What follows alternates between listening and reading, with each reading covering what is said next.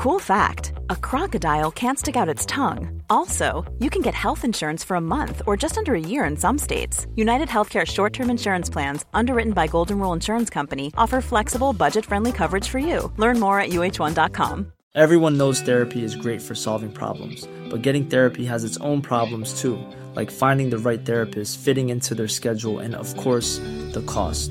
Well, BetterHelp can solve those problems. It's totally online and built around your schedule. It's surprisingly affordable too. Connect with a credentialed therapist by phone, video, or online chat, all from the comfort of your home. Visit betterhelp.com to learn more and save 10% on your first month. That's BetterHelp, H E L P. When you're ready to pop the question, the last thing you want to do is second guess the ring.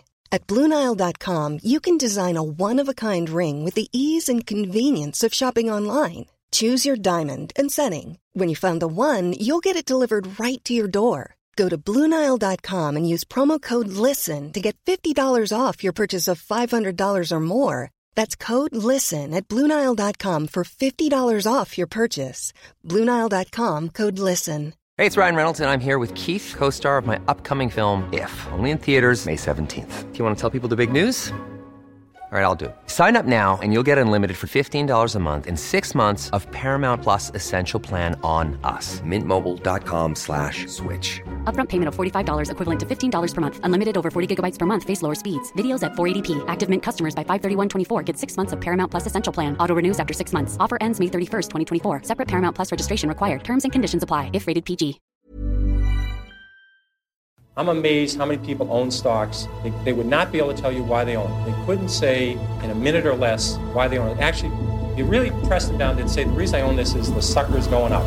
There's enough cash in the financial system, and there's an infinite amount of cash at the Federal Reserve. An infinite amount Put of cash. Put that check in a money market mutual fund. Then we'll reinvest the earnings into foreign currency accounts with compounding interest, and it's gone.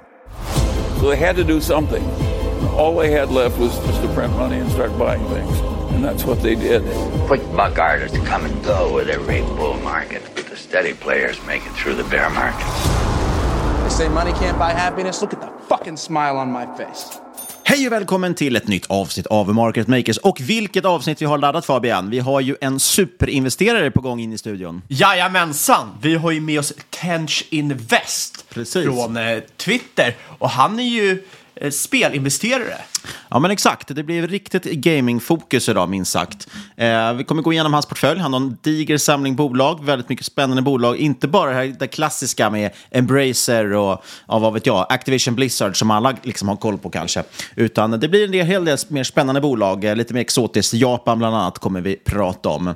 Eh, så det blir superspännande. Jag tänker att det är väl lika bra att vi hoppar in egentligen så vi får mer tid med vår gäst. Vi ska först bara skicka ut en disclaimer. Ingen rådgivande rekommendation i podden. Vi berättar vår process och hur vi tänker, gör alltid en egen analys och glöm aldrig att alla investeringar är förknippade med Risk. Men innan vi hoppar in på det har vi ju stora nyheter angående vårt innehav aktier som ni säkert känner till, som också är såklart stolt sponsor av podden. Eh, de har ju gått ihop, eh, eller blivit förvärvade egentligen, av ett bolag som heter UCAPS, EU och så CAPS. Och vi har med oss Henrik Wagenius som är vd på UCAPS. Kan inte du berätta Henrik, vad är UCAPS för någonting och eh, vad händer här för de som tidigare använt aktier, våra lyssnare som använt aktier tidigare, vad blir liksom skillnaden för dem också? Eh, UCAPS är en plattform som samlar investerare och eh, bolag på ett ställe, eh, kan man väl säga enkelt sagt. Eh, och för eh, aktieanvändare, eller dagens aktieanvändare, så eh, kommer det bli en ganska stor skillnad, men samtidigt ingen skillnad. Skillnaden kommer vara att det finns mycket mer data om bolagen och det går att följa och, och framåt, lite grann framåt i tiden så kommer det också gå att investera via plattformen. Och man kan väl säga att fokus hos oss är kanske lite annat än fokus har varit hos aktier tidigare där man har varit mer svenska bolag och lite USA och så. Eh, Medan vårt fokus är hela Europa och eh, eh, mer precis eh, small caps i Europa, small och mid caps. Så att det är samma sak, det vill säga diskussioner och sånt. Det är samma sak med att man måste verifiera sig för att kunna göra inlägg och så vidare. Men, men scopet blir större. Det finns mer data och mer information. Och eh, tanken är då att under våren här så ska man också kunna handla aktier via oss. Ja, men det låter grymt. Både diskussionsforumet är ju väldigt levande och eh, personligen gillar jag också de här notiserna. Jag går in och så följer bolag eh, i aktier, eller UCAPS nu då, och eh, så får man notiser när det kommer nyheter och PM och så vidare. Och nu kommer det ännu mer information. Vill du berätta lite om det? Vad, vad menar du med det egentligen? Det som är, vår tanke är att vi ska se till att skapa transparens inom hela SME-sektorn i Europa. Och det är ju inte så jäkla lätt gjort. Men eh, det vi gör är att vi köper in basdata om de här bolagen från Standard Poor. Eh, så att vi har populerat upp, nu så det läggs till bolag och marknadsplatser lite kontinuerligt men vi har väl ungefär någonstans mellan 2 3 000 bolag inne nu. Eh, och det innebär att man kan hitta och titta på finansiella siffror, man kan se vilka som sitter i eh, ledningen för bolagen och man kan se pressreleaser etc. från bolagen så att man får en, en, en, ganska bred bild av det. Man kan också göra lite analys eh, vi, i och med att vi har liksom balans och resultaträkningar och kassaflöde och kvartalsmässig uppdelning på siffror och så vidare. Så att vi försöker skapa en, en bastransparens och sen så försöker vi få bolagen själva att gå in att, och addera ännu mer transparens. För att de här bolagen är ju så att säga, vad ska man säga, lite eh, styrmodligt behandlade av media. De kommer inte ut så mycket och det är inte så mycket analytiker som är där och, och, och gör analys och så vidare. Så att vi tänker oss att det bästa sättet att få data det är helt enkelt från hästens mun som man säger i England. Eh, få bolagen att berätta vad är det som gör dem speciella? Vad har de för strategier? Vad har de för produkter? Kan de visa video på sina produkter etc. Så att, så att bolagen själva kan skapa den transparens som de så gärna vill ha mot aktiemarknaden för att kunna få bättre likviditet till sin aktie och större intresse för sin aktie och så vidare. Så om jag skulle summera så blir ju UCAPS egentligen den bästa plattformen för att följa small cap-bolag. Eh, hur skulle du annars... Eh, vad är hisspitchen för UCAPS? Hur skulle du summera det? Ja, vi har ju, vår reklambyrå har ju en hisspitch som jag kanske ska citera då. Eh, ska vi se här. Eh, vi revolutionerar den europeiska aktiemarknaden genom att öppna upp för fler att handla över landsgränserna. Och det gör vi genom att eh, samla all data som behövs på ett ställe så att fler bolag och investerare i olika länder hittar varandra och kan maximera sin potential. Så att det, är väl, det, är, det är en väldigt bra sammanfattning eh, av, eh, av vad vi gör så att säga. Nej, men precis. Och just det här med handel över landsgränsen är ju jätteintressant. För jag menar, vi har ju en fantastisk marknad i Sverige, det ska man inte sticka under stol med, och otroligt mycket intressanta småbolag i Sverige som man kan investera i. Men det finns ju en jättestor värld utanför Sverige också. Eh, vad har du för tips till investerare som, som tittar på UCAPS? Eh, hur ska man liksom börja använda plattformen på det mest effektiva sättet? Ja, men jag tycker väl att man inledningsvis så ska man titta på det man tittar på. Det vill säga att man ska fortsätta och, och kolla på svenska bolag och, och, och, så vidare. Men man ska öppna ögonen för att, för att det finns en, en värld utanför Sverige. Och det kan ju vara så att du har, liksom, du har diskrepanser i prissättning eh, mellan olika länder och man kan kanske komma över väldigt lönsamma bolag utomlands till en billig peng. Eh, och sen kan det vara också så att man kan söka baserat på segment. Så att man, är man intresserad till exempel av AI eller av, eh, av gamingbolag så får man, här får man ju en transparens vad som finns utöver de svenska aktörerna. Så att eh, jag tror att man ska, då förhoppningsvis från vår sida är ju att man ska kunna krydda sin portfölj med, med lite utländska innehav också och på ett enkelt sätt. Så att man inte behöver liksom gå till sin bank och försöka handla en aktie i, i, i Portugal och banken ska koppla upp sig mot en annan bank och, och, och, så kostar det en jäkla massa pengar i transaktionsavgift. Utan vår tanke är att det här ska vara lika smidigt som att handla på First North eller, eller Spotlight eller NGM. Ja, det där blir riktigt spännande. Vi har ju flera gånger pratat i podden om just mindre bolag runt om i Europa. Eh, och då är ju oftast problemet att de är lite svåra att nå. Till exempel, ja men klassiskt exempel är Endor som gör de här Fanatic-rattarna till simracing. Men även eh, lyfta upp ett par case där man pratat om bolag som är på AIM i, i London eh, och ska då parallell, spegelnoteras i Nasdaq och då har man ju fått en otrolig multipeluppvärdering. Och då har det alltid varit ett litet problem att kunna handla de här bolagen innan den här spegelnoteringen till exempel. Och tidigare har ju alternativet varit som du säger att ringa in en telefonorder som är väldigt dyr. Så det ska bli jättespännande, men vi får väl återkomma till det också under våren här när eh, handeln lanseras också så får vi höra lite mer om det. Yes, gärna det. Har du något sista medskick till lyssnarna Henrik? Nej, jag tycker eh, gå in och kolla UCAPS och, och, och surfa runt, skapa konto, verifiera er och sen så kommer tips. är det någonting ni tycker att ni saknar på plattformen så ska vi försöka lägga till det. Vi har ju precis lanserat så att vi, det kommer ju adderas funktioner och, och, och, och data kontinuerligt. Men in och tipsa. Tipsa gärna bolagen som ni är intresserade av att, att också gå in och lägga in mer data om, om sig själva så att, så att ni får en ökad transparens. Precis, och för att nå er så går man in på ucaps.com och det stavas ju eucaps.com och vi lägger förstås en länk i avsnittbeskrivningen. Stort tack Henrik och stort tack till Ucaps. Tusen tack, tusen tack. Då säger vi välkommen in i studion till Tench Invest, känd som en gaminginvesterare på Twitter. Välkommen hit! Vill du berätta för våra lyssnare vem du är? Tack så mycket, trevligt att vara här. Jo, Gustaf då heter jag, eller Tench Invest på Twitter. Eh, jag är specialiserad på investeringar inom gaming, eh, 32 år, från Stockholm och själva aktieintresset började väl någon gång kring millennieskiftet där med dotcom-boomen när jag var med föräldrarna kollade kurserna på text-tv. Man såg Ericsson, Nokia, Framfab, Icon Media Lab och de andra. Först så gick de till månen och sen så kom de kraschande ner senare.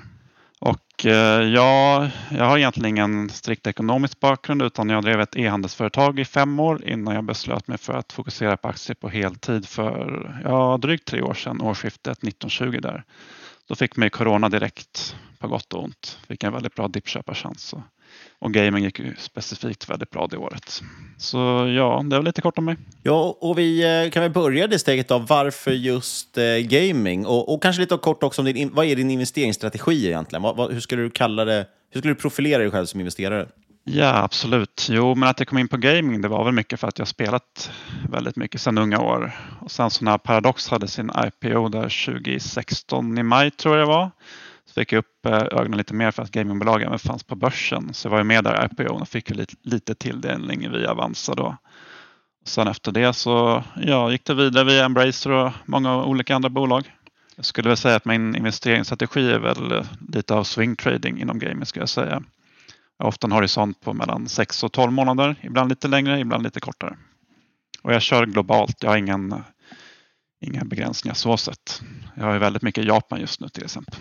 Och du säger swing trading, så lite, lite mittemellan horisont kan man väl säga.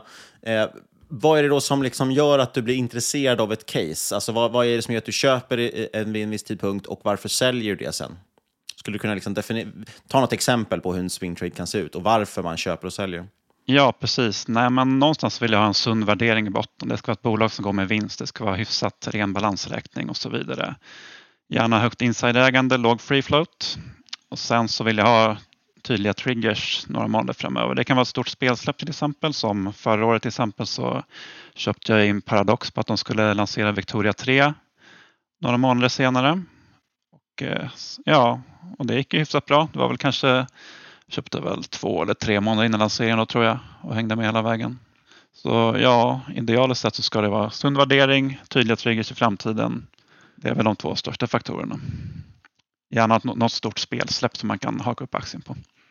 Just det, så man, om man kokar ner det där så kan man egentligen säga att det handlar om att försöka hitta någonting som du tycker är felprissatt vid tillfället. Mm. Sen sälja det när det förhoppningsvis då har prisats upp. Och det som kanske driver det oftast är någon form av trigger i form av till exempel ett, ett spelsläpp. Då. Ja, exakt. Sen så brukar jag snitta in mig och snitta ut mig också så att jag får en hyfsad ingångskurs och en hyfsad utgångskurs. Och du har ju framförallt eh, alltså, rena spelbolag egentligen. Vi ska komma in på din portfölj alldeles strax och gå igenom bolagen lite. Du har ju hyfsat ren spelportfölj. Mm. En del gör ju lite tvärtom, att de tittar istället på hackor och spadar. Det vill säga titta på vilka driver, eller vilka åker med på resan. Jag vet bland annat på den marknaden hade för, för någon vecka sedan ett avsnitt om gaming, där man pratade till exempel att om det finns ju som Endor eller Logitech som ägs av GUI, heter den ticken. Mm, mm. Som är, drivs av, det spelar ingen roll vilket racingspel som är stort, utan de får ju sälja rattar så länge det kommer racingspel. Eh, varför har du hamnat ändå att investera direkt i spelbolagen snarare än kanske hårdvarubolagen? Finns det någon anledning till det eller har det bara blivit så? Ja, nej men eh, jag tycker väl att eh, mjukvarubolagen är mycket lättare att följa i och med att du kan följa dem så enkelt på Steam och så vidare så har du ganska konkreta försäljningssiffror hela tiden som du kan räkna ut och det är lite svårare med hårdvara. Sen så hårdvara är ju också lite mer cykliskt skulle jag säga just att det är vissa stora spelsläpp som driver försäljning av rattar och så vidare. Och även om man kollar på Logitech då till exempel så har ju de klappat ihop totalt efter coronaboomen. Så det har en helt annan cykliskhet i hårdvara. Tycker jag. Sen så inom hack och Spada så har ju lite andra typer av bolag också. Du har ju här Keyword Studios i Storbritannien till exempel som är ett konsultbolag. De producerar även trailers och eh, portar spel till olika plattformar. Så det kan vara lite intressant att kolla på också. Dock väldigt hög värdering, men den har gått mycket bra genom åren. Är det, är det någon större skillnad nu tycker du mellan att investera i spel jämfört med vad det var kanske 2016?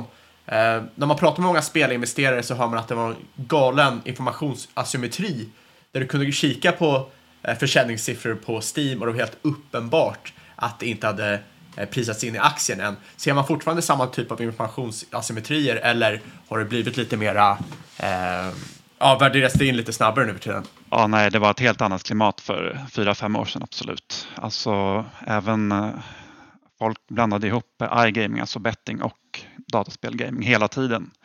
Jag kommer ihåg att, jag vet inte vem det var som höll det eventet, men de bjöd in Evos VD och Embraces VD till samma dataspelsevent. Och ja, det blev ju lite olustig stämning där. Så ja, nej, det har skett en enorm skillnad på gott och ont. Det känns som att branschen är mycket mer välrespekterad och genomlyst nu men det är svårt att ha exakt samma edge som man kunde ha för fem år sedan.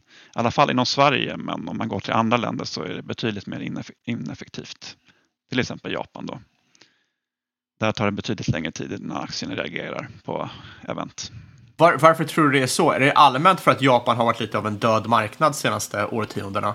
Ja, alltså det finns inte alls samma, samma folkliga aktieintresse där borta. Och till exempel så måste du köpa i poster om 100 aktier fortfarande. De kör fortfarande med aktieposter. Så det är svårt för småsparare att ta sig in på aktiemarknaden i Japan. Så det är nog en stor anledning till att det ser ut så. Ska vi kanske börja beta igenom lite portföljen, tänker jag. Eh, ja. Du postade häromdagen på Twitter, eh, där du skrev lite om några nya innehåll som tillkommit, men även vi som gamla. Jag tänkte att vi kan börja kanske den nya änden, det är mest intressant. Mm. Eh, och då har du som eh, om inte jag tolkar allting fel så en av dina största positioner just nu är väl Paradox yep. som du har och du äger även Spiltan. Dels vill mm. jag gärna höra uh, hur det kommer sig att du tar in Spiltan där, som i och för sig kan tänka mig ett, ett play på Paradox också. Mm. Uh, och sen får du gärna beskriva lite vad du tänker kring Paradox. Ja, kan jag börja med Spiltan då? Och ja, det är väl ganska enkelt att den handlas till en, en substansrabatt på nästan 20 procent. Den har inte riktigt tänkt med Paradox upp, så jag tänker att det värderingsskapet kan komma att stängas inom kort. Så det är väl den anledningen till att jag har Spiltan också. Men i Paradox fall då så har jag ju en riktigt fin trigger i form av eh, City Skylines 2 som ska släppas senare i år. De avslöjade det på sin konferens nu i veckan. Och det, alltså ettan har ju sålt i över 12 miljoner exemplar. Och jag tänker då att tvåan i sämsta fall kommer att sälja mellan 2 och 3 miljoner exemplar i år. Och då, då kommer de sälja det till en högre summa än ettan. De kommer förmodligen ta skulle tippa på minst 40, möjligtvis 50 dollar då för tvåan. Och ja, det är fortfarande ett litet team som har utvecklat det spelet. Det är en fin studio, Colossal Order. De är väl runt 20 pers så ROIn på det här projektet, om det blir så bra som det borde bli, lär ju vara helt sinnessjuk och analytikerna har inte alls med i sin estimat. De ligger väl på runt 2,3 miljarder i omsättning för det här året och ett lyckat Cities 2 så har det ju utan problem runt 3 miljarder. Och i och med att eh, Paradox är så skalbart som det är så kommer ju nettovinsten öka enormt och det tycker jag inte är inprisat. Så därför har jag tagit en väldigt stor position i Paradox igen. Det är intressant. Jag har för mig att vi har tagit upp dem eh, ganska nyligen i podden, eh, men också mm. pratat om dem mycket tidigare. Det har ju varit lite skakigt där. Vi hade ju Fredrik Wester som var vd och grundare. Eh, sen försvann ju han ett tag från vd-posten. Eh, har tyvärr glömt hennes namn nu, hon som tog över. Men hon ersattes ganska snabbt igen av Fredrik Wester igen efter att det gått ganska knackigt om, om Paradox. Men är det, är det ett innehav du har följt länge och, och, och ägt länge också kanske? Eller ägt i tidigare perioder, ska jag säga? Ja, oh ja, det är det gamingbolag jag har följt noggrannast över åren. Så jag var ju med i IPO 2016 och sen så ägde jag den väl nästan hela vägen till någon gång 2018 2019 någonting. Sen så var det då det här stormiga vd-bytet och allt så var jag ute ett tag. Sen när Fredrik Wester kom tillbaka så köpte jag på mig stort igen. Det var väl hösten 2021 tror jag. Samtidigt så, så sålde alla fonder ut sig på botten så det var ju bara att tacka och ta emot och köpa deras aktier där. Men eh, en annan aspekt av Paradox är att jag tror att de är, föremål för uppköp snart. De ska hålla en kapitalmarknadsdag i maj för första gången. De har aldrig riktigt varit så superfokuserade på att eh, skapa eller pumpa upp aktiekursen skulle jag säga. Så att de nu kör en kapitalmarknadsdag tycker jag är väldigt suspekt. Så det skulle möjligtvis kunna komma någon deal då i slutet av året kanske. Bara ren spekulation men det känns som att Fredrik Wester är ganska trött. man kan ju tänka sig att han lämnade väl över vd-posten för att han ville liksom kliva lite till bakgrunden, men så fick han ta, i, eh, ta över roligt igen när det inte gick så bra som han trodde.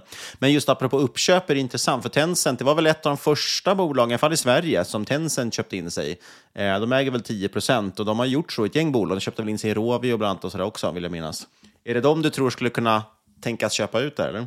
Ja, Tencent var ju med redan i IPO med 5% Sen har de ju skalat upp sitt innehav lite över åren då, så att de ligger över 10% Så alltså, ja, jag tror att egentligen är det bara för Fredrik Wester att ringa upp Tencent och sälja bolaget när han vill.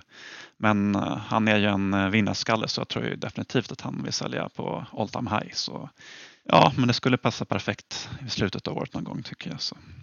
Men det är bara en trevlig option att ta.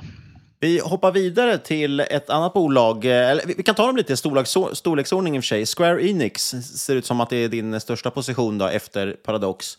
Klassiskt bolag. Jag håller precis på själv och spelar om Final Fantasy 10. Det här är ju riktigt så här barndomskärlek och nostalgi för mig med Final Fantasy-spelen. Mm, mm. eh, men berätta lite vad som lockar i, i Square Enix. Kan nämna förresten att det är ett japanskt bolag för de som inte vet det. Jo, precis. Det är japanskt. Det går dock att handla en OTC-notering i Tyskland eller USA, men det är lite bökigt.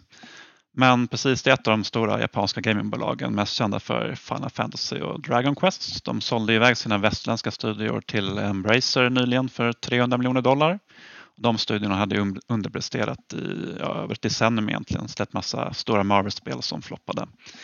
Men nu har man rensat ut det, man har även ett vd-byte och eh, har omstrukturerat lite inom studiorna i Japan också. Värderingen är väldigt låg, det är väl EV-bit 7-ish på kommande räkenskapsår. Och man har en jättestor release i Final Fantasy 16 nu i juni. Sen hade man ju ett litet halvfloppspel i innevarande kvartal Forspoken. Men jag tycker väl att den floppen redan är implicit i kursen. Kursen har gått eh, hyfsat flat ganska länge nu. Och sen så senare nästa räkenskapsår så har man också Final Fantasy 7 remaken del 2. Så det är ju två stycken huvudserie Final Fantasy på ett år, vilket är rekord. Och ja, det känns inte implicit alls. Och sen så tänker jag väl även där att du har en liten uppköpsoption i att Sony skulle kunna sno dem efter att Microsoft har fått igenom sin deal av Activision som nu verkar gå igenom. Så borde väl Sony vara sugna på lite revansch. Så då tycker jag Square Enix ser ut som ett perfekt förvärv. De har även lite manga och anime och böcker och så vidare som skulle platsa i Sonys olika divisioner. Ja, just det. Och jag har faktiskt inte för, just Final Fantasy 7 är en riktigt mm. klassiker för mig och hyllas ju av många som ett av de bättre spelen någonsin. Eh, jag har dock faktiskt inte följt jag för mig att det, det floppade väl lite halvt, det här remaken som de gjorde, del 1. Eh, eller den kanske har sålt bra några sidan och, och den nya säljer också bra kanske. Ja, oh ja, men det är väl uppe över 5 miljoner exemplar om jag inte minns helt fel. Så det sålde absolut bra. Ja, det får vi räkna som godkänt. Ja, det är hyfsat godkänt. Sen så lär det vara lite lägre utvecklingskostnad för del 2 också. Rent allmänt, hur ser du upp med uppköp i sektorn just nu? Förra året var det väl väldigt hett med, ja då var väl äh, Microsoft och så hade du Take-Two och eh, Sony. All, alla de tre köpte ju upp något bolag. Har, har det mattats av lite eller ser vi fortfarande samma typ av aktivitet i sektorn? Det har helt klart mattats av lite. Embracer kör ju fortfarande på med lite små förvärv här och där men de har ju fått dra ner på de större förvärven nu för de är ju för belånade för att kunna få igenom något större. Tråkigt nog nu när det är sämre tider så skulle man ju vilja att de hade haft en nettokass istället men så ser det ju inte ut. Men det senaste större förvärvet var väl Sony som köpte Bungie förra året. Det var väl slutet av sommaren eller hösten för 3,6 miljarder dollar, hyfsat stort. Men annars kommer jag inte på något större på rak arm just nu faktiskt. Och Bungie var väl, eh, var inte de skapare av Halo va? Ja precis, Halo är, är deras äh, mästerverk. Men de har ju även Destiny nu som är jättestort. Destiny 2 är ett av de större gasspelen just nu. Så det var väl det Sony ville åt. Men annars tycker jag att man mest ser lite miniförvärv. Ja, och Square Enix, hur handlar man den smidigast då? Är det gå på någon, någon annan aktör än, än, de klassiska nätmäklarna eller ringer man in till, till sin nätmäklare, tycker du? Ja, alltså jag använder ju Pareto. De tillåter att jag har en ISK, så det är telefonorder där för ISK.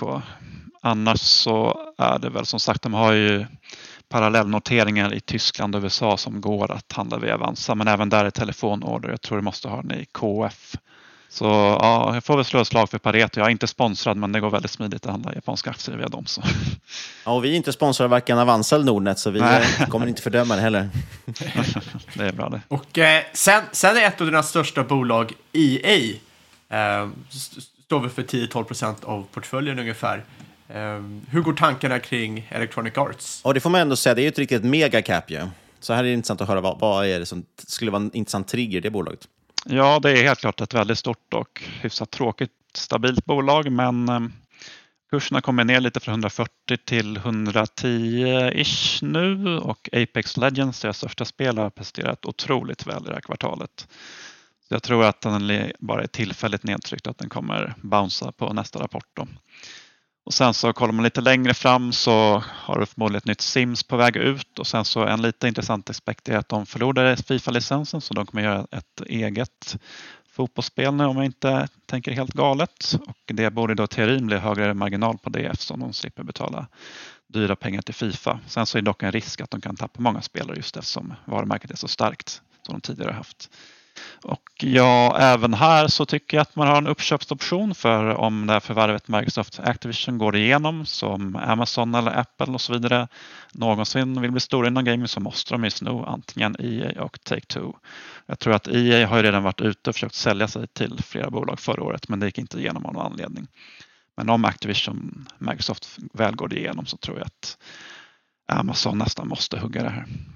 Intressant. Jag har faktiskt helt missat det här med att de tappar Fifa-licensen. Annars är det klassiska kassakorna på EA är väl Fifa-spelen, NHL-spelen. De vet i och för sig inte hur stora de är, men Fifa är ju stort och Call of Duty har ju också i princip blivit en årlig, en årlig släpp av också. Mm, Call of Duty dock, Activision.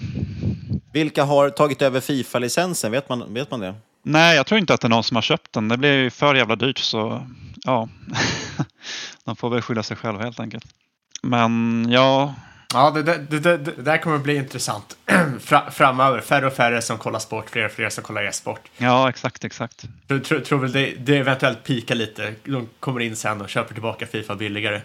Ja, det är mycket möjligt. Sen så kan vi ta en liten kortis om Take-Two också som är den tredje stora där i USA.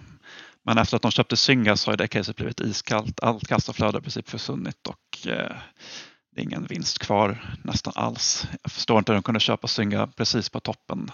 Det måste vara det sämsta förvärvet någonsin inom gaming. Så det man kollar efter där, det är väl egentligen GTA 6-releasen. Men det verkar ligga långt bort. Ja, jag tänkte säga det för lyssnarna. De är ju framförallt kända väl för att de äger Rockstar och som då gör bland annat Red Dead och GTA-serierna. Dessutom, då, varför jag sportkoppling, så är det väl Take-Two som äger eh, rättigheterna till eh, NBA-spelen. Ja, exakt, exakt. De har ju sitt NBA 2K som kommer varje år där man tvingas handla virtuell valuta för helt galna summor. Så det är en stor kassako för dem fortfarande. Men ja, bortsett från GTA 6 så vi vet inte när det kommer så känns den rätt iskall nu. Jag tror inte att det kommer bli en uppköp heller förrän GTA 6 är ute. Så. Men superspännande nu ja. Eh, nu hoppar vi vidare till de kanske lite mindre kända bolagen. Eh, mm. Capcom bland annat. Japanska, det ligger väl bakom Street Fighter om inte jag minns fel. Det stämmer mycket bra det. Capcom är ett väldigt klassiskt bolag. De har ju Street Fighter som du säger men Resident Evil och Monster Hunter är de största serierna just nu. Speciellt Monster Hunter är extremt stort i Japan. Och det är väl lite lite av ett eh, japanskt paradox på något sätt skulle jag säga. Det är väldigt, en väldigt slimmad organisation. Extremt höga marginaler. De har väl runt 50 procent e-, ebit-marginal på gamingverksamheten. Och även där har du stora triggers då i Street Fighter 6 som kommer nu i sommar tror jag det är. Det har Resident Evil 4 som släpps i slutet av den här månaden, remaken som ser helt sinnessjukt bra ut. Ja, den, den verkar folk väldigt hypade för. Det är väl ett av de bästa Resident Evil-spelen? Ja, det är det bästa skulle jag säga. Det är ett av mina absoluta favoritspel också. Spelade det på GameCube när det begav sig, minns jag. 2005 eller något sånt. Så det ska bli kul att köra om det.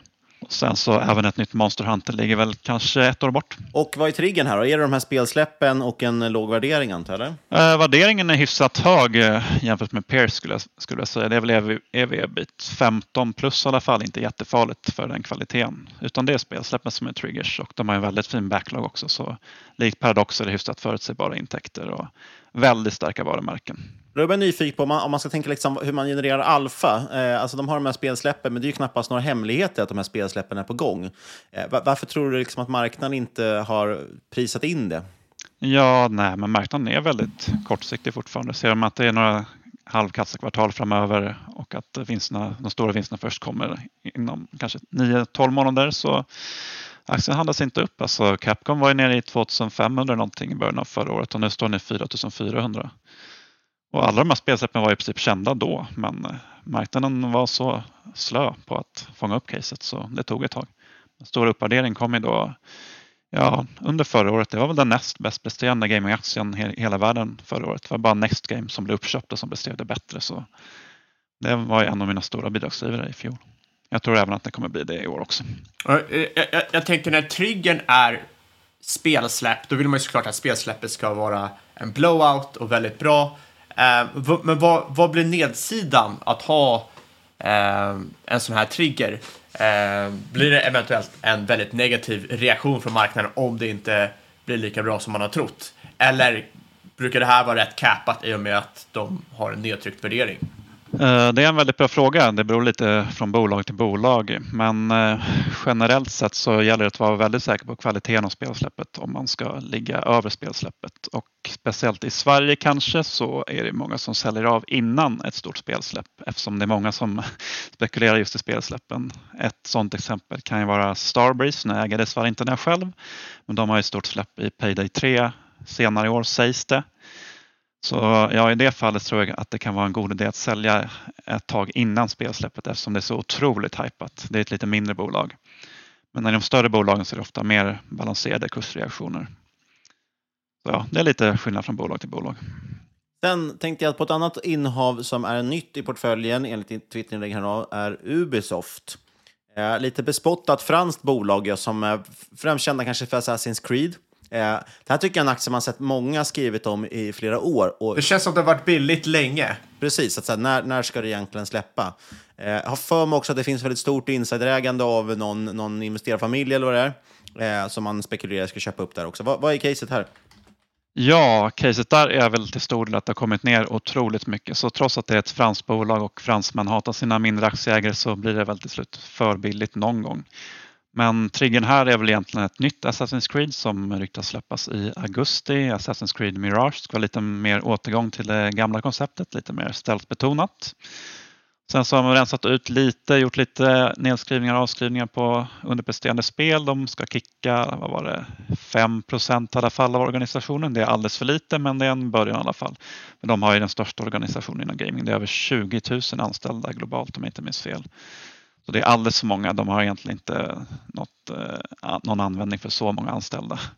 Men likt du säger så har GMA-familjen då, som grundade bolaget har en rätt stor stek och de gick ihop med Tencent och köpte ännu mer nyligen. Så det man tänker där är att kanske att det kan bli någon form av management buyout tillsammans med Tencent. För de har ju verkligen fått ner kursen rejält känns nästan som med flit att man tryckt ner kursen så mycket som möjligt. Ja, men precis så var det. Just det, det är ju familjen Guillemot. Jag vågade inte gissa på det, men jag hade för mig att det var så. Och, och det var de jag nämnde tidigare. De handla, har ju ett eget bolag också som handlar sig till GUI på franska börsen. Mm, exakt. Eh, och det är de som äger bland annat Logitech, väl, om inte jag minns helt. Nej, de äger, vad heter de? Thrustmaster heter det. Thrustmaster, förlåt. Nu blandar jag ihop märken här till och med. En annan rattillverkare, precis. Yes, precis. Det är rattar. Mm. Rattar och flightsticks. Nej, så det skulle gå att äga Ubisoft via Gamot också. Jag har inte koll på exakt hur stor rabatt det blir där. Men du får lite utdelning också där till skillnad från riktiga Ubisoft. Så det kan också vara ett alternativ, men väldigt låg likviditet såklart. Så. Ja, jag vet att jag höll på att kolla på det ett tag och, eh, och sen kom det här med, med att de gick ihop med Tencent och köpte en del av, av Ubisoft som rätt intressant. Mm. Det tycks aldrig riktigt släppas på Ubisoft, men du, du ser det framför dig nu förhoppningsvis inom ett år antar jag? Ja, precis. Helst redan inom några månader med nya Assassin's Creed som jag tror kan slå det stort ändå. De brukar, det är ju ett lite hatat spel på något sätt, men ändå köper ju alla det. Ja, det är så. Inklusive jag. Eller hur? Och sen sitter man och gnäller över att det, inte är, så, att det, det är lite eh, hjärndött. Ja, ja, men det är kanske det som är stora selling pointen, att det är just lite hjärndött. Ja, och sen i portföljen har du ju lite liksom, mindre känt bolag, eh, Devolver Digital. Känner du inte till dem Fabian? De är ibland, ligger ibland bakom det fantastiska spelet Genital Jousting, där man spelar som en penis. det trodde jag alla hade koll på. Exakt. Dessutom tror jag faktiskt, är, de är väl bakom Hotline Miami också, som jag för mig att det är en svensk som har utvecklat, om inte jag minns helt fel. Ja, det stämmer jättebra det. Ja, den fantastiska. Hotline Miami har till och med jag spelat. Mm, det är gamla klassiker. Ja, men lite kort om Devolver då. Det är ett bolag som är specialiserat på främst indiespel, men ibland lite double A-spel, lite större produktioner. De har varit extremt duktiga under åren likt du nämner så har de ju Hotline Miami-spelen till exempel, men det största de har lyckats lansera det var ju Fall Guys som släpptes. Det var väl var det 2020 tror jag? Ja, det har jag missat att de gjorde faktiskt, just det. Det är ju väldigt stort. Ja, absolut, det är det Men de sålde ju rättigheterna till det spelet till Epic Games som köpte upp studion som utvecklade spelet. Så de fick en jättestor engångspost där. Och I samband med den engångsposten så gjorde de sin IPO på en helt sinnessjukt hög värdering. Det var ju no touch till att börja med. De IPO'ade väl på 200, kan det vara 200-250 eller någonting. Nu är den nere i 34-35, kommit ner extremt mycket. Stor nettokassa, ska släppa en tio spel i år, varav många ser väldigt fina ut. Lite mindre produktioner men extremt hög ROI om de slår. Så I och med att man får bolaget nästan gratis nu på den här värderingen så tycker jag att nedsidan inte kan vara så betydande utan uppsidan är större. Och Eh, även där så tog ju Sony en stek vid IPO faktiskt. Tog väl 5 procent eller någonting och så kinesiska NetEase äger också en rätt stor stek. Så, ja, och även grundaren har en stor stek. Så det är väldigt låg free float. Den är väldigt svår att handla. handlas på AIM i Storbritannien. Det är en extremt skum handelsmodell. Du krigar väl mot en market maker och sen så har de dagliga auktioner så den är inte superlätt att handla, speciellt inte större positioner. Men, ja. men det såg också billigt ut så jag kunde inte hålla mig borta. Ja, vi, vi kommer ju lägga eh, tickers och namn på alla bolag i avsnittsbeskrivningen som vanligt. Så, så den som är nyfiken på det kan man kika in där också med alla bolag.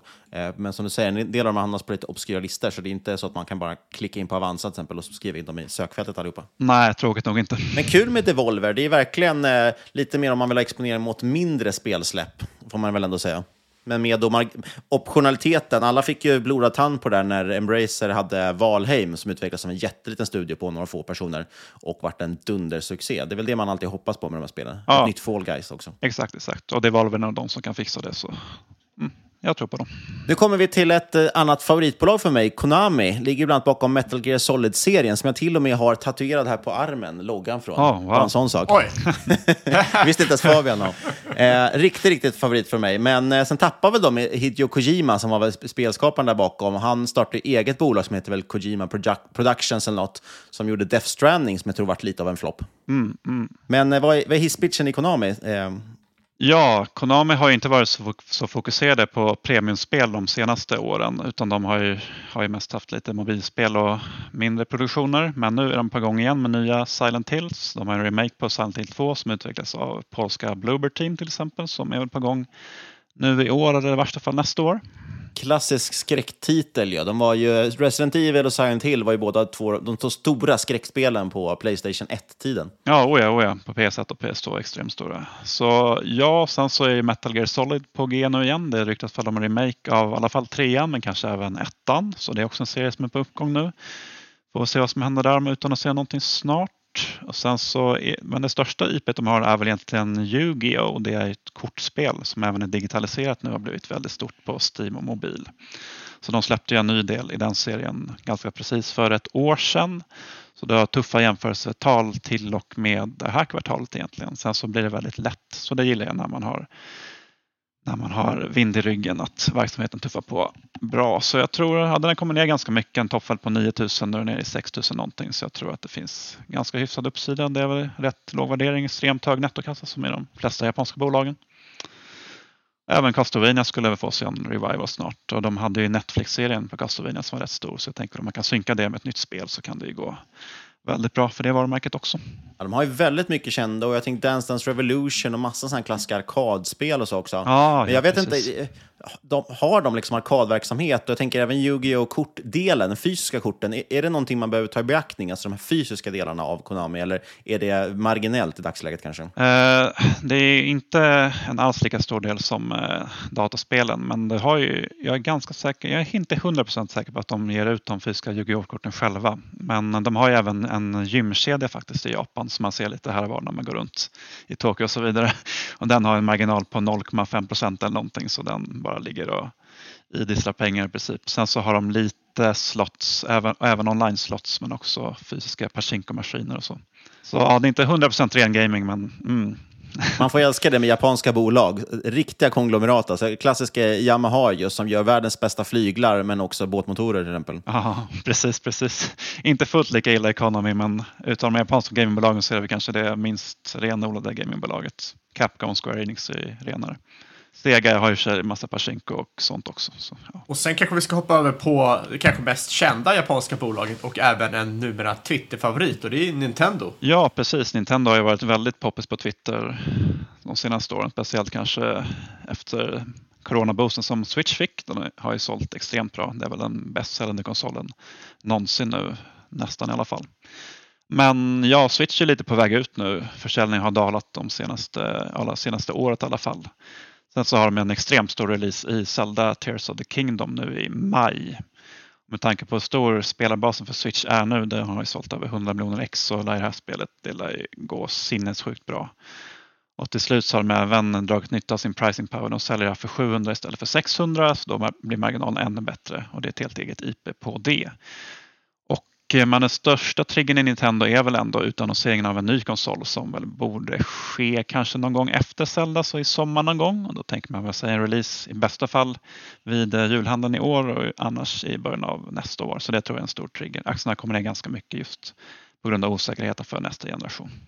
Ja, och Nintendo har ju varit riktigt populär i Sverige som du säger. Så pass mycket att Avanza vet jag lanserade ju en tracker så man kan köpa Nintendo faktiskt direkt på deras plattform väldigt smidigt. Mm, mm. Ja, och de har ju också, kan, det, det, har väl inte undgått någon, men de har ju otroligt starka varumärken. Jag tänker på Super Mario, eh, Kirby, det är väl inte de som utvecklar nödvändigtvis de spelen, men de eh, publicerar ju dem. Och där, även där har de gjort liksom en liten vändning där Kirby-spelen tidigare var sådär och nu har det kommit ett, ett rätt bra ju som heter Forgotten Lands eller något i den stilen. Mm, precis, precis. Och såklart Zelda också. Ja, oh ja. Och det är väldigt låg värdering i botten. Extremt stor nettokassa igen, precis som de andra japanska bolagen. Det är väl ev-ebit 10 eller någonting på hyfsat stagnerad vinst förvisso, men det är inte dyrt någonstans med tanke på deras IP. De har den där Mario-filmen på gång nu också, så se hur lyckad den blir.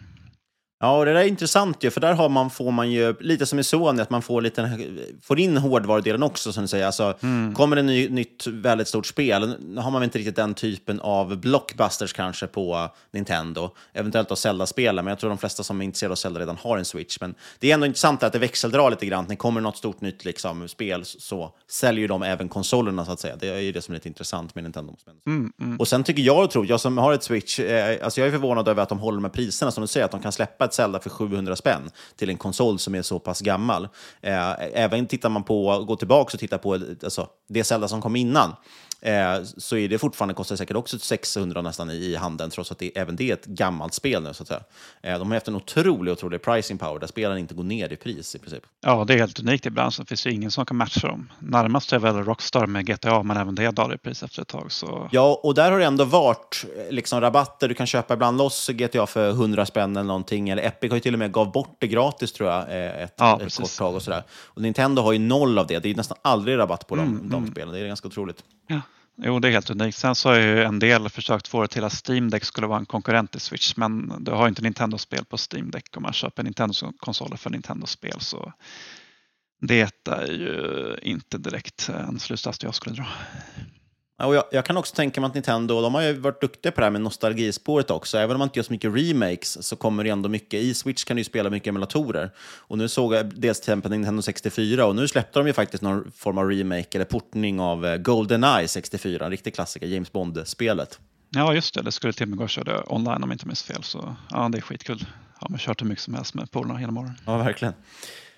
Ska vi hoppa kanske till det sista bolaget? Vi går fram i rasande tempo här tycker jag. Mm. Och det är ju finska Rovio, kända för Angry Birds. Eh, vårt absolut första avsnitt av podden, då var vi hos Nordnet och pratade bland annat lite om Rovio, för Angry Birds, eh, eller Rovio noterades ju precis i den vevan. Eh, varför, varför, äger du det här bolaget? I och för sig en väldigt liten position ser jag, men eh, varför äger du det? Vad är smittsamt här? Ja, nej, men det är helt enkelt en spekulation på höjt bud. De har ju ett bud från Playtica på 9 euro, eller 9,2 som har legat ett tag nu. De har ju varit säger att de är i diskussioner med flera olika parter så jag tror ju definitivt att till exempel Netflix eller EA också skulle vara intresserade av det här. Netflix har ju kört, kört flera Angry Birds-serier så det är ett multimedia-IP så det skulle passa in rätt väl där. De köpte ju även upp, som jag nämnde tidigare, så köpte de upp finska Next Games förra året och så var väl någon mer lite mindre finsk studio så de verkar ju vilja etablera en närvaro i Finland just och då skulle det vara perfekt att sno Rovi också. Jag tror inte att Playtica har möjlighet att höja budet hur mycket som helst heller. Så jag tror att om Netflix lägger en 10, 11, 12 euro så går den dealen igenom. Nu har det gått ganska länge sedan förhandlingarna började så jag vet inte om det ska vara bullish eller bearish. Det tyder på att de fortfarande pågår men ledningen i Rovio är känd för att vara lite lite kinkiga så vi får se om de ens går med ett bud på 12 euro men ja, det är mest en liten krydda i portföljen. Vi får se hur det går. Den är ändå ner 30 procent ungefär från IPO Mm. eh, som var för ja, fem år sedan, då, eller vad det blir. Eh, Så att, eh, ja, man skulle ju kanske vilja se ett lite högre bud, så att man i fall eh, Den gick in på typ 12 spänn eller någonting, tror jag. Eller 12 euro. Ja, exakt, exakt. Jag får tillbaka pengarna i alla fall om man var med i den IPOn. Jo, det är nog många som vill det. Det är väl en av de största katastrof-IPO-erna jag sett tror jag. Det är väl den och Devolver inom gaming som har varit värst kanske. Ja, finns väl en anledning varför det kallas rödbio? Ja, det gör ju det. Finns det några spelbolag som du känner är eh, no-go? Det vill säga saker du inte skulle röra med vid tång. Finns det någonting du kan spy lite galla över? Oj, ja, jag har varit ganska öppen med att jag är lite skeptisk inställd till vissa spelbolag. Inom Sverige så är det väl kanske Sordix till exempel. Det är ett lite mindre bolag som har en väldigt stor fysisk spelverksamhet just nu. Och de har hyfsat många spel på väg ut i år i och för sig. Det är mindre produktioner och de ser inget vidare ut. Speciellt det här Småland som har försökt hypas upp på Twitter. Det ser ut som ett studentprojekt och det ska släppas i Early Access som, det ska släppas om en månad tror jag. Sen så körde jag även demo till deras spel Bramble som varit i utveckling ganska länge. Det är ett hyfsat mysigt spel absolut men det kan inte hävda sig på dagens marknad. Lite fornnordisk tema va, med troll och sådär. Ja, precis. Lite som Brothers som eh, Josef Fares släpptes, släppte för tio år sedan någonting. Men en sämre version utan co-op. Så nej, Sordix är jag extremt skeptisk till. Jag kommer få skit för det här men det, så är det. Och även Media and Games Invest är ett av de där lite mindre bolagen som är väldigt svårt att få något, något riktigt grepp om. De har ju styrt om verksamheten från, mest från gaming, alltså online-spel som har varit väldigt svårt att följa till mer adtech-verksamhet men skuld, nettoskulden är lika hög som börsvärdet och ja, det känns som ett lite skumraskbolag som jag inte skulle ta i. Så där har väl två stycken på hatlistan kanske. Sen EG7 har ju varit på hatlistan tidigare men där har de faktiskt rensat upp nu så det är mycket mer cleant nu. Väldigt lätt att få grepp om. Så det går att vända alla bolag så vem vet, kanske kommer jag även köpa in mig i Sordix någon dag. Det är inte helt omöjligt. Nej, EG7, precis. De har vi klankat ner lite också på. Men sen, eh, dels fick de ju helt plötsligt en revival av My Singing Monsters där via TikTok. Mm, och sen har de väl mm. kommit in lite private equity-folk och börjat försöka rensa upp och städa ut bolaget också. Mm, så det finns helt, helt klart någonting där. Värderingen är väldigt låg. Så ja, jag är neutral i alla fall.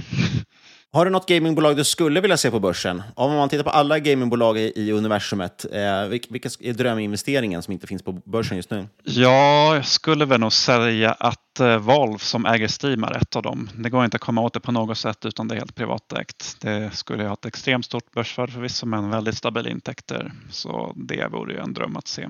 Ja, det är väl den stora drömmen ska jag säga. Sen även Epic Games skulle vara kul att se också. Tencent äger 40 procent redan. Sony äger också en stek. De har väl egentligen inget behov av att göra en IPO för de har ju eh, oändlig tillgång till pengar. Så ja, Tråkigt nog lär vi aldrig få se något av dem på börsen skulle jag tro, men det hade ju varit någonting. Och även om man gör det lär ha ha en hutlös värdering så att eh, kanske ändå inte skulle vara bästa köpen. Nej, precis. Det kanske blir som Unity, att du får en helt sinnessjuk SAS-värdering istället och då går det inte att köpa det. Så det ja. Ja, det är väl, eh, de, Valve har ju flutit under radarn på så sätt. Det är väl Gabe Newell, vill jag minnas att han heter, som eh, Mm, startade en gång i tiden. Han måste ju vara en av de rikare i USA om, om man skulle få en korrekt värdering på hans bolag. ja, definitivt, definitivt. Men jag har också fått känslan av att det aldrig kommer komma ut på börsen, att de inte har något intresse av det överhuvudtaget. Nej, det finns ingen anledning överhuvudtaget. Kanske, kanske den dagen han går bort och barnen vill eh, casha in om man har några barn. Ja, det skulle vara det då. Nej, Valve tar ju 20-30 procent från alla spel som släpps på Steam, så det är en helt galen affärsmodell. De, de badar i pengar. Ja, och det, och det ser man ju om inte annat på hur mycket Epic har satsat på och eh, liksom marknadsfört sig och, och tryckt in pengar i att få in folk i deras egna affär, Epic Games. Det säger ju någonting om vilken position Steam har, så att säga. Mm, ja, nej, hela Epics satsning har ju inte gått något vidare. De har, har ju bara en bråkdel av marknaden fortfarande. Trots att de har köpt in hur mycket spel och ger bort gratisspel varje vecka. Så det funkar bara inte. Det går inte att få över folk dit. Steam har en så enorm stickiness. Är det, är det någons, någon satsning som ens har halvlyckats? Det känns som var och varannat bolag har försökt skapa sin Steam-kopia. Ubisoft har ju till och med en egen också. Ja, EA har också sitt eget EA Origin, men de har ju kommit tillbaka till Steam nu, både EA och Ubisoft, så de har väl insett att det inte går att konkurrera. CD Projekt har ju också sin lilla mindre Good Old Games GOG-sida där de säljer gamla PS-spel och så vidare, men det är ju ingenting jämfört med Steam, så nej, det går inte att slå Steam. I alla fall inte västvärlden. I Kina ser det lite annorlunda ut, men ja.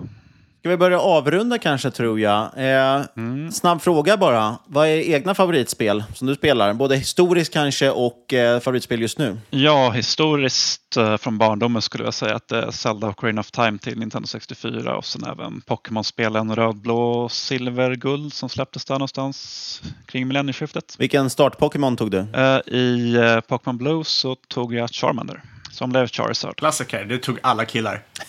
Ja, det var väl så. Men på senare år så har jag uppskattat From Software spel väldigt mycket. Demon Souls, Dark Souls är några absoluta favoriter där. Gissar på att du har plöjt några timmar i Elden Ring nu också kanske? Ja, oh ja, Elden Ring drog jag igenom förra året. Det var eh, en jävligt tung upplevelse. Extremt svårt spel verkligen. Tyckte nästan att det var svårare än Dark Souls. Så efter jag var klar med det så tog jag en paus från spel helt och hållet några morgon där faktiskt. ja, det lämnar en lite tomt Elden Ring. Det är en ganska stor upplevelse också. Eh, ja, det gör ju det extremt mäktigt. Det var mm. mitt första spel från From Software. Nu är man ju helt fast i det, så jag håller på och spelar om bland annat Dark Souls på, på Nintendo Switch nu och sådär. Ja, härligt, härligt. Det är också ett bolag kanske man skulle vilja köpa in sig i, tänker jag. From Software som ligger bakom. Ja, men De... det går att köpa in sig faktiskt. Det ägs eh, till stor del av Kadokawa som är noterade i Japan. Kadokawa är dock en bokhandel till att börja med så det är inget renodlat gamingbolag. Men vill man få exponering mot FromSoft så är det den vägen man får gå. Ja, Japans Amazon får man sälja in det som. exakt, exakt. Jag tror också att Sony har en liten stek i From Software om jag inte minns fel. Ja, det stämmer. Sony och Tencent också har köpt lite. Ja, Tencent, mm. otippat. Ja, överallt, överallt. Vi fick en, en en Twitterfråga också. Favoritspel till PC under perioden 97 till 99? Väldigt specifikt, så jag antar att det finns något, eh, något speciellt svar där. Det är en väldigt specifik period och vi hade ingen PC under den perioden så eh, jag får nästan passa på den frågan. Men jag kan säga Descent som släpptes lite tidigare. En Space Shooter i 3D som var väldigt tuff som jag körde på fritids när jag var liten. Så jag får säga det, även ja. om det var något år tidigare. Så. Jag tänkte spontant på Warcraft 2, men det släpptes 95, kollade jag upp här precis. Ja, ah, just det, det var så tidigt. Ja. Mm. Vill du ta avslutningsfrågan Fabian? Ja, det här är en klassisk fråga vi ställer till eh, alla gäster och det är vad är din bästa respektive sämsta investering och vad har du lärt dig av dem?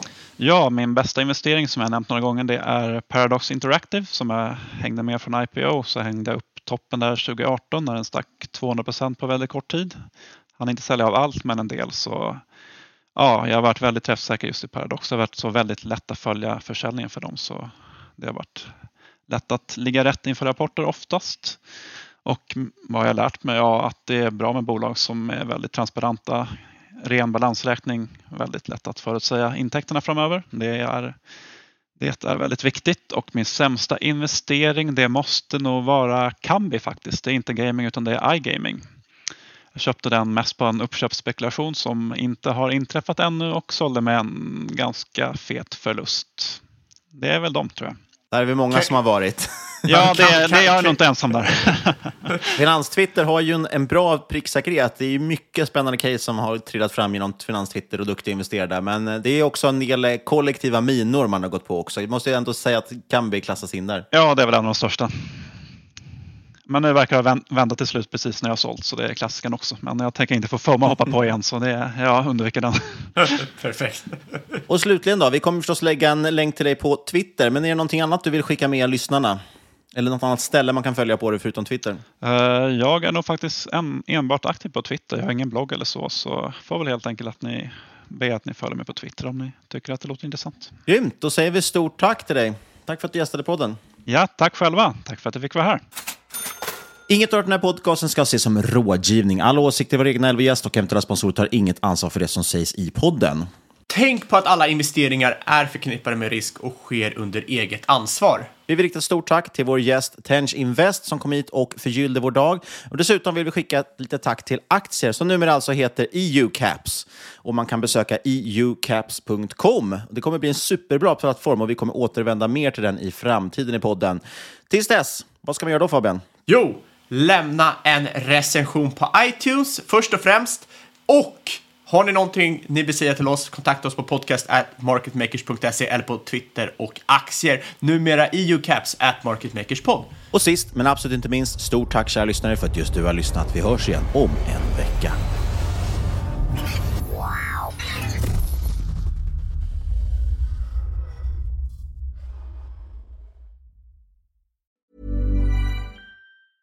Planning for your next trip? Elevate your travel style with Quince. Quince has all the jet setting essentials you'll want for your next getaway, like European linen, premium luggage options, buttery soft Italian leather bags, and so much more. And is all priced at 50 to 80% less than similar brands. Plus, Quince only works with factories that use safe and ethical manufacturing practices. Pack your bags with high-quality essentials you'll be wearing for vacations to come with Quince. Go to quince.com/pack for free shipping and 365-day returns. Mom deserves the best, and there's no better place to shop for Mother's Day than Whole Foods Market. They're your destination for unbeatable savings, from premium gifts to show-stopping flowers and irresistible desserts. Start by saving 33% with Prime on all body care and candles. Then get a 15-stem bunch of tulips for just $9.99 each with Prime. Round out Mom's menu with festive rosé, irresistible berry chantilly cake, and more special treats. Come celebrate Mother's Day at Whole Foods Market. As humans, we're naturally driven by the search for better. But when it comes to hiring, the best way to search for a candidate isn't to search at all. Don't search, match with Indeed. When I was looking to hire someone, it was so slow and overwhelming. I wish I had used Indeed. If you need to hire, you need Indeed. Indeed is your matching and hiring platform with over 350 million global monthly visitors, according to Indeed data, and a matching engine that helps you find quality candidates fast. Ditch the busy work. Use Indeed for scheduling, screening, and messaging so you can connect with candidates faster. And Indeed doesn't just help you hire faster. 93% of employers agree Indeed delivers the highest quality matches compared to other job sites, according to a recent Indeed survey. And listeners of this show will get a $75 sponsored job credit to get your jobs more visibility at Indeed.com slash podcast. That's Indeed.com slash podcast. Terms and conditions apply.